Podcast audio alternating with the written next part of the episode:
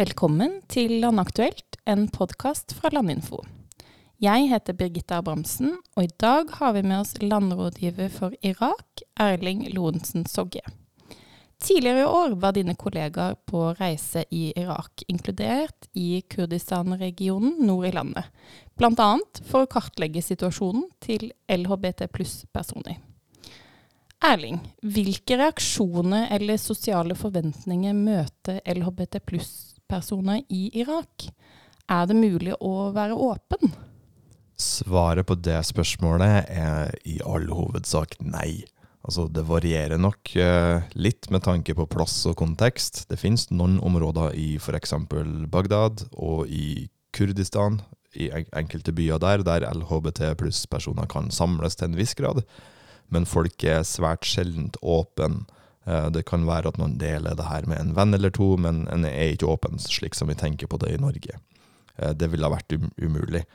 Eh, og det med kjønnsidentitet og legning er svært tabubelagte tema i Irak. Og slik som andre plasser i Midtøsten, så finnes det et utbredt syn om at LHBT pluss-personer ja, lir av mental forvirring, er til skade for eh, religiøse verdier og offentlig moral, og at deres livsstil er et produkt f.eks. av vestlig eller fremmed kulturell påvirkning på samfunnet. Og konsekvensene av å overskride grensene for det majoritetssamfunnet definerer som feminint, da for kvinner og maskulint for menn, kan være veldig alvorlig, og i verste fall føre til at vedkommende kan bli mål for vold. De fleste LHBT pluss-personer eh, ser derfor ikke annet valg enn å holde deres kjønnsidentitet eller legning skjult, så vidt det er mulig, da. Og mange lever i heterofile parforhold for å beskytte seg sjøl mot negative reaksjoner fra f.eks. familie, arbeidsgivere, myndigheter etc. Og det sier jo seg sjøl at den psykiske kostnaden av å leve i skjul på denne måten er veldig stor. Så samfunnets syn på homofile og transkjønnede i eh, Irak er generelt svært negativt. Men eh, hva sier irakisk lov om homofili? Mange irakere tror nok at homofili er forbudt. Eh, det stemmer for så vidt også til en viss grad, men bare for mindreårige. Straffeloven forbyr sammenkjønna forhold for dem som er under 18, men for voksne er loven da inntil videre må vi si, langt mindre tydelig på det. Det hindrer ikke at lovgivende myndigheter straffer LHBT pluss-personer, eller dem som arbeider for deres rettigheter. Uh, straffeloven inneholder en rekke vage forskrifter må vi si, som kan bli brukt til dette formålet. Og Det kan dreie seg om uh, paragrafer som f.eks. For forbyr det å drive rundt på offentlige områder med usømmelige hensikter osv. Og, og en aktivist med forankring i Kurdistan fortalte til Landinfo at den mest vanlige paragrafen som blir brukt for arrestert, altså antatt LHBT-personer, er den som forbyr prostitusjon. Og I fjor så gjennomførte uh, kurdiske sikkerhetsstyrker et raid der de skal ha arrestert omtrent 17 personer knyttet til LHBT pluss-miljøet i byen Sulemainia i Kurdistan. Nettopp på bakgrunn av at de skal ha hatt noe med prostitusjon å gjøre. Og Det er også verdt å merke seg at det nå finnes uh, rørsler både i det irakiske og kurdiske parlamentet som kjemper for et, et eksplisitt forbud mot homofili. Eh, eller det å spre propaganda for LHBT pluss-sak. Og Det rapporteres at det finnes altså et parlamentarisk flertall for å fremme slike lover. Men inntil videre så vet ikke vi eh, helt hvordan de lovforslagene ser ut, eller hvor langt en har kommet i det arbeidet. Mm. kan du si noe om eh, rettssikkerheten til LHBT pluss-personer? Altså om de skulle bli utsatt for uh, æresrelatert vold eller hatkriminalitet, har de da noen form for beskyttelse?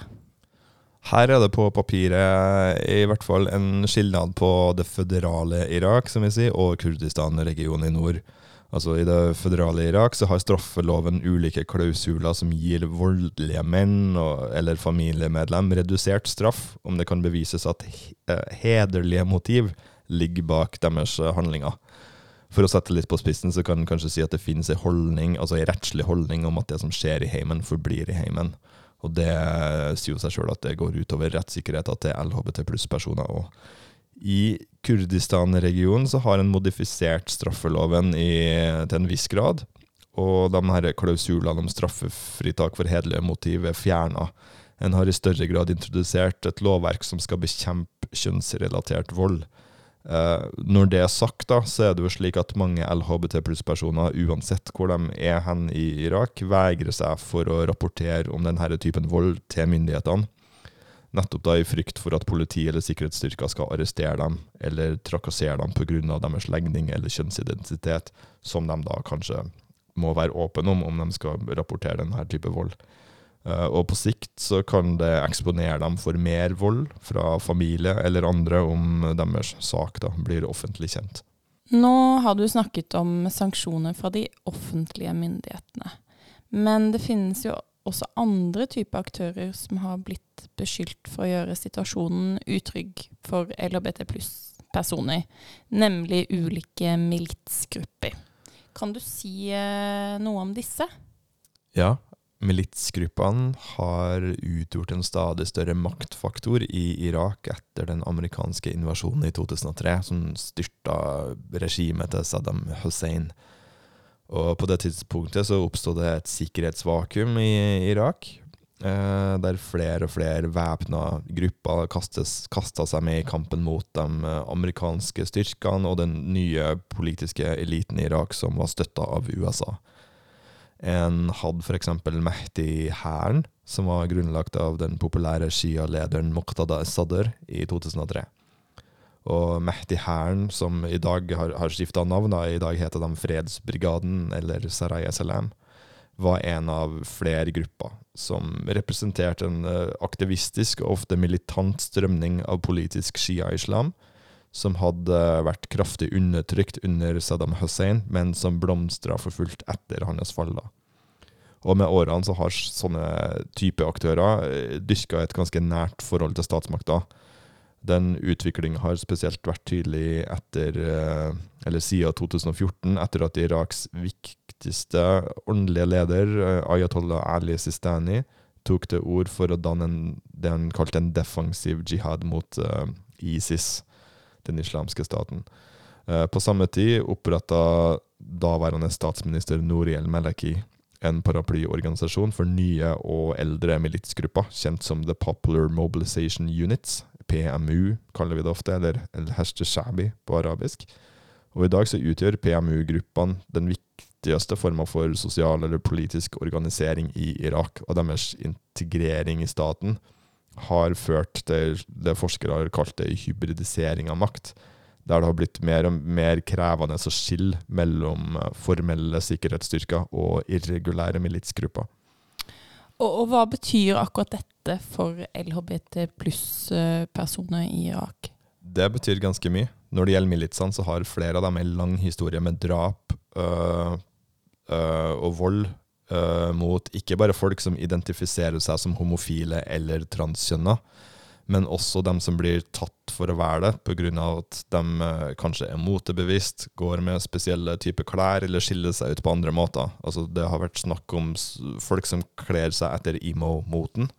Altså gutter som bruker langt hår og bruker sminke, jenter som kler seg i svarte klær, hodeskallesymbol osv. osv.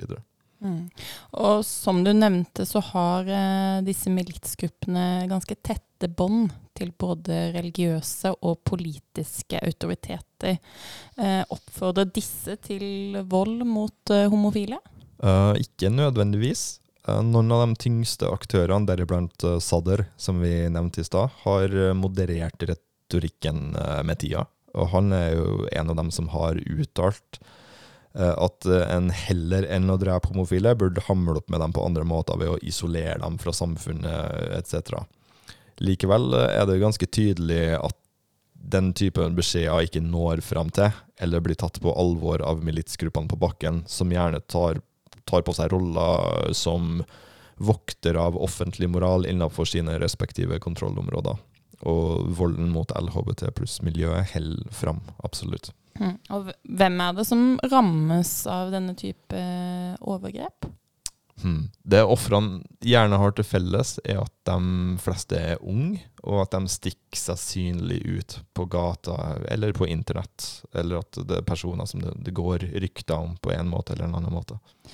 Og i hvilke deler av eh, Irak skjer disse overgrepene? Altså, er man like utsatt i alle deler av landet? Ja, organisasjonen IraQueer skrev i en rapport uh, for noen år tilbake at uh, offentlig vold mot LHBT pluss-personer, al altså av militsgrupper eller sikkerhetsaktører, skjer over hele Irak. Men at Bagdad-provinsen skiller seg ut.